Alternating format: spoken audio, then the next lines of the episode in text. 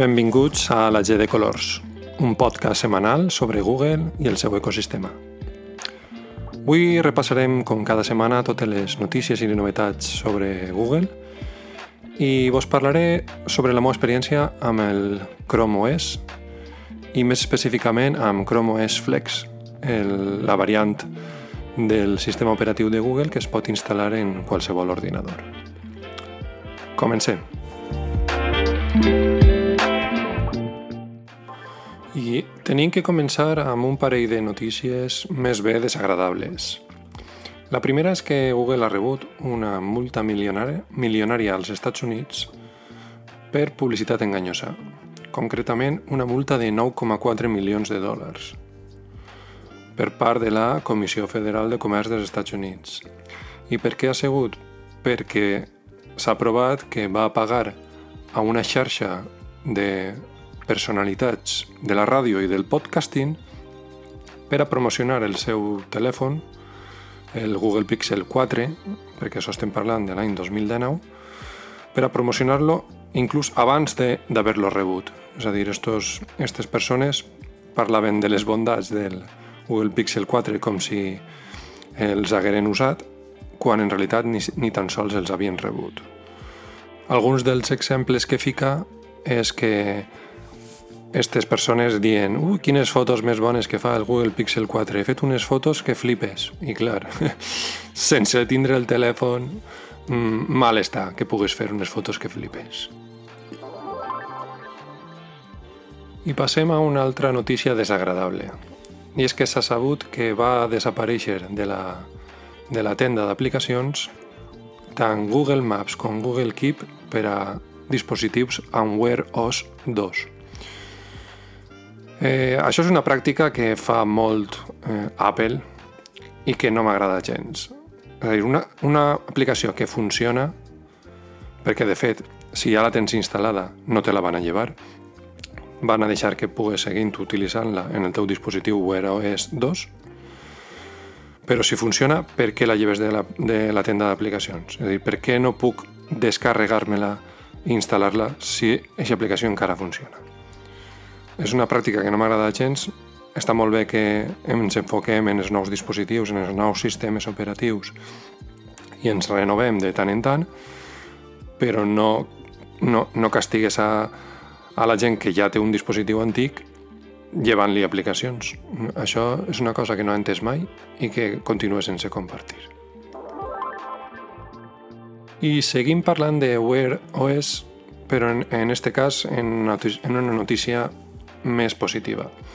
I és que hi ha un rumor que diu que Google estaria treballant en portar per fi als dispositius amb Wear OS l'aplicació de Gmail i la de Google Calendar. Me pareix increïble que, que no estiguen disponibles des del primer dia, perquè són bàsiques. De fet, el propi Samsung té aplicació de correu pròpia, eh, per supost, eh, també hi ha aplicació de correu en, en Apple, en el seu, en el seu rellotge. Eh, de fet, Outlook també té aplicació per a Wear OS, és a dir, que és perfectament plausible gestionar els correus en, eh, en el rellotge. Per què no ho ha fet fins ara Google? No ho sé. Ells diuen que el sistema que tenen ara de respondre als, als correus mitjançant les notificacions enriquides és suficient. Jo opine que no. De fet, si reps una notificació que se t'ha passat o l'has eliminat sense donar-te compte, ja no hi ha manera de, de recuperar aquest missatge de, per a llegir-lo si no te'n vas al mòbil. I, i el mateix amb, amb el que és el calendari. No hi ha manera de, de fer una revisió de, de lo que tens en el dia i de més si se te passa alguna notificació. Bueno, crec que és una bona notícia, esperem que... Bueno, notícia, és un rumor, esperem que es confirmi la notícia i el més aviat possible. Parlem ara d'actualitzacions. I és que el Chromecast en Google TV 4K ha rebut una actualització amb el, amb el pegat de seguretat d'octubre del, del 2022. A més a més, eh, sembla que també hi hauria eh, solucions a alguns bugs. Jo personalment no he rebut encara aquesta actualització, però la penso actualitzar immediatament perquè jo de fet sí que he notat que el Chromecast amb Google TV 4K s'arrossega en moltes ocasions, és a dir, eh, hi ha salts de frames eh, en algunes ocasions, en algunes aplicacions de streaming, que són, la veritat, molt molestes perquè no, no veus una reproducció fluida. I espero que amb aquesta actualització s'hagin solucionat aquests problemes de rendiment. I passem a parlar de premis, perquè Google ha otorgat uns premis a les millors aplicacions de Wear OS, tablets i Chromebooks. En la categoria de Wear OS, la guanyadora ha sigut Todoist, una aplicació de gestió de tasques molt coneguda. En la secció de tablets, la guanyadora ha sigut Pocket, que de fet és la que uso jo per a documentar-me per a este podcast, és a dir, per a guardar artic els articles que m'interessen i llegir-los amb posterioritat. I en la categoria de Chromebooks, la que ha guanyat ha sigut BandLab. És una aplicació de gravació mm, d'àudio, bueno, és un estudi de gravació de, de música molt semblant a, a l'equivalent de, de Mac seria el GarageBand. I parlant de música, parlem ara de Google Music, perquè presenta per segon any consecutiu el seu recap anual de música, és a dir, la música que més hem escoltat al llarg de l'any ens fa una sèrie d'estadístiques de les cançons que més hem escoltat, els, els artistes que més ens han agradat, etc. No està mal, jo he escoltat el meu i és prou acurat però he de dir que, malgrat que és de veres que estan millorant l'aplicació de Google Music, encara dista molt de, de lo que és Spotify. En quant a, a la interfície d'usuari, en quant a, al descobriment de, de cançons, d'artistes i, i l'algoritme de mescla de, de llista de cançons encara li falta polir prou. Però bé, vos recomano que li feu una ullada a aquest recap si és que sou usuaris de Google Music perquè està bé, no, la veritat és que no està mal. Bueno, estic dient tot el temps Google Music, però evidentment em referisc a YouTube Music, que dit siga de pas no em sembla el, el millor nom, perquè YouTube està lligat al vídeo i no, i no a la música, però bé, i ara, bones notícies per a tots aquells ex-usuaris de Google Stadia, i és que he rebut un correu informant que properament pagaran ja l'apartat de hardware. És a dir, ja havien pagat el que és el, els jocs i ara pagaran el maquinari. És a dir, els packs que vàrem comprar directament des de la Google Store amb comandament, Chromecast, etc. No diu res de que hi hagi que tornar el dispositiu. Ja més o menys ja corria el rumor de que els dispositius serien per a, per a l'usuari i ells simplement abonarien el que varen pagar per ells. Espero que no tardem molt en ingressar-ho perquè ara vindrà bé per a fer compres nadalenques. I seguim parlant de diners, en este cas els diners que ha guanyat Google en el tercer quatrimestre de 2022 i és que ha sigut notícia perquè, malgrat que ha presentat beneficis, aquests beneficis són inferiors als de l'any passat.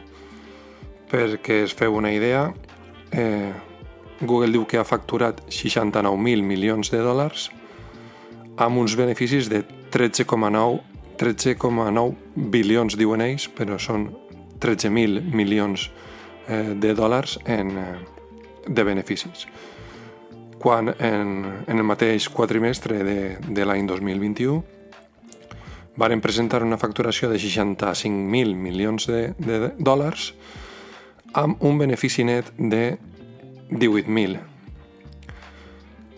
Vull dir, hi ha hagut ahir una davallada de 5.000 milions de benefici, però bé, continuen tenint prou benefici, ja voldria jo tindre 13.000 milions de dòlars de benefici.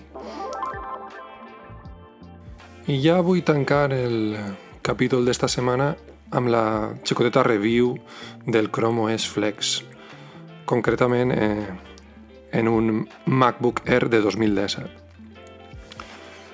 La veritat és que no m'esperava que m'agradara tant. Jo vinc usant eh, macOS des de fa prou de temps. No vull dir que Chrome OS li puga fer ombra a macOS ni molt menys perquè són conceptes completament diferents. El, eh, el Chromebook està enfocat a, a lo que és la navegació per internet, eh, treball liviano, i, i poc més, vull dir, no, és, no està fet per a eh, maquetar vídeos ni treball pesat. Tenint clar això, he de dir que m'ha agradat molt el disseny, un disseny molt net, molt modern, sobretot m'ha agradat també la velocitat, arranca en dècimes de segon el dispositiu, cosa que amb Mac arrencava, eh, tarda prou més en arrencar, evidentment, també m'ha agradat el tema dels controls parentals. Este, este dispositiu està compartit per mi i per el meu fill, o sigui que per a mi és important que tinga controls parentals, tant en quant a les pàgines que pot visitar com els horaris eh, en els que pot treballar i fer els deures e, en este dispositiu. I això la veritat és que està molt, molt ben integrat. També la integració amb Android és a dir, la integració, si tens un dispositiu, un mòbil Android, el tema de poder rebre els missatges en la pantalla de l'ordinador, eh, les telefonades, eh, les notificacions, etc. Això és també un enfocament molt Apple i la veritat és que està molt aconseguit. La reproducció multimèdia també està molt integrada en el sistema. Eh, què més coses? el tema de que tinga una màquina virtual Linux on jo puga instal·lar aplicacions Linux allà on no arribe les aplicacions web pròpies del Chrome OS. Això està bé d'una banda, però també té eh, la pega de que al tractar-se d'una màquina virtual el rendiment d'aquestes aplicacions és molt inferior al que seria si l'instal·larem en una distribució Linux normal. Però bé, mm, te poden salvar d'un apur, diguem. El que no m'agrada del Chrome OS Flex és que no incorpora la tenda d'aplicacions de, de Android. Per això es veu que has d'instal·lar un Chrome OS normal. Ja he vist per ahir algun tutorial de com fer-ho, així que crec que ho provaré. Instal·laré el, el Chrome OS normal en, en el MacBook i ja vos contaré què tal. I una altra, una altra cosa que no, fun, no m'ha funcionat i, i per lo vist és, està previst que no funcionarà és el tema de la webcam en, del MacBook perquè es veu que té uns drivers propietaris que de moment no funcionen en Chrome OS. Eh, de fet, també jo en este, en este dispositiu he usat moltes distribucions de Linux i en moltes d'elles m'ha donat molts problemes també la webcam perquè té uns drivers eh, propietaris d'Apple un tant complexos de gestionar. Després, coses que tampoc me funcionen bé del tot són els gestos. Els gestos en el trackpad, alguns d'ells funcionen, els, de, els gestos amb dos dits de tirar avant i arrere les pàgines sí que funcionen, però els gestos amb tres i quatre dits per a passar d'un escritori a l'altre i per a, per a veure l'overview de totes les finestres obertes no funciona però sí que funcionen els, les tecles de funció de, del propi Mac per a l'overview i per a, per a la vista d'escriptoris, per al multimèdia, etc. La veritat és que en línies generals estic molt, molt content del, del Chrome OS i crec que vaig a seguir utilitzant-lo fins que necessite algo que requerisca més canya i ja hagi d'usar un, un macOS. Una altra cosa que m'ha agradat molt del Chrome OS Flex és que té suport oficial de Google. Eh, el meu dispositiu en concret està llistat dins dels dispositius suportats i té un suport oficial fins a l'any 2027, o sigui que fins a aquest any es comprometen a donar-li actualitzacions, a solucionar errors, etc. Un altre motiu per a seguir utilitzant-lo. Jo ja haureu notat que no sóc cap talibà de Google en el sentit de que jo use eh, productes d'Apple i productes de Microsoft, és a dir, jo he, he utilitzat eh, durant eh, molt de temps eh, macOS, Windows i moltes, moltes, moltes distribucions de Linux perquè m'encanta, m'encanta eh, provar-les, eh, experimentar, eh, eh, però sense talibanismes, perquè en els foros que moc jo de, de Linux, etc, hi ha molt de taliban, de ah, a veure com lleve tot lo de Google perquè mos espia i perquè no sé què i va. Això és com tot, anem a veure.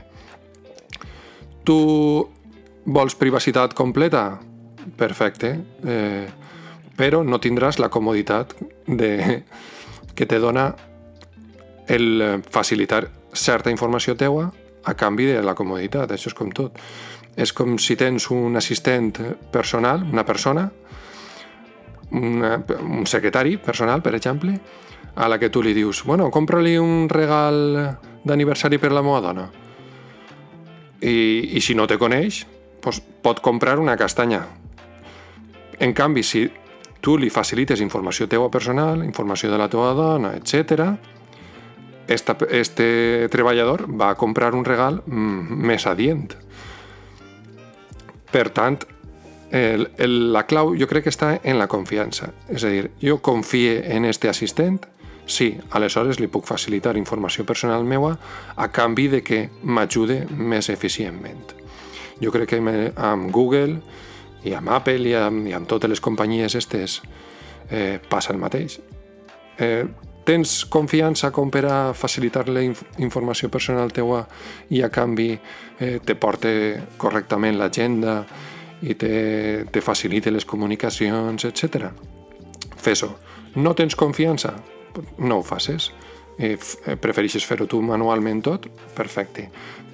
Però no siguem tan talibans de d'acusar als altres o de eh, menys tindre-los perquè usen Google o perquè usen eh, el, que, el que els dona la gana. Cadascú que use el que vulga i, i que siga feliç i ja està. I amb això ja tindríem el programa d'esta setmana. Espero que vos hagi agradat. Recordeu que teniu, com sempre, els enllaços a les notes del programa.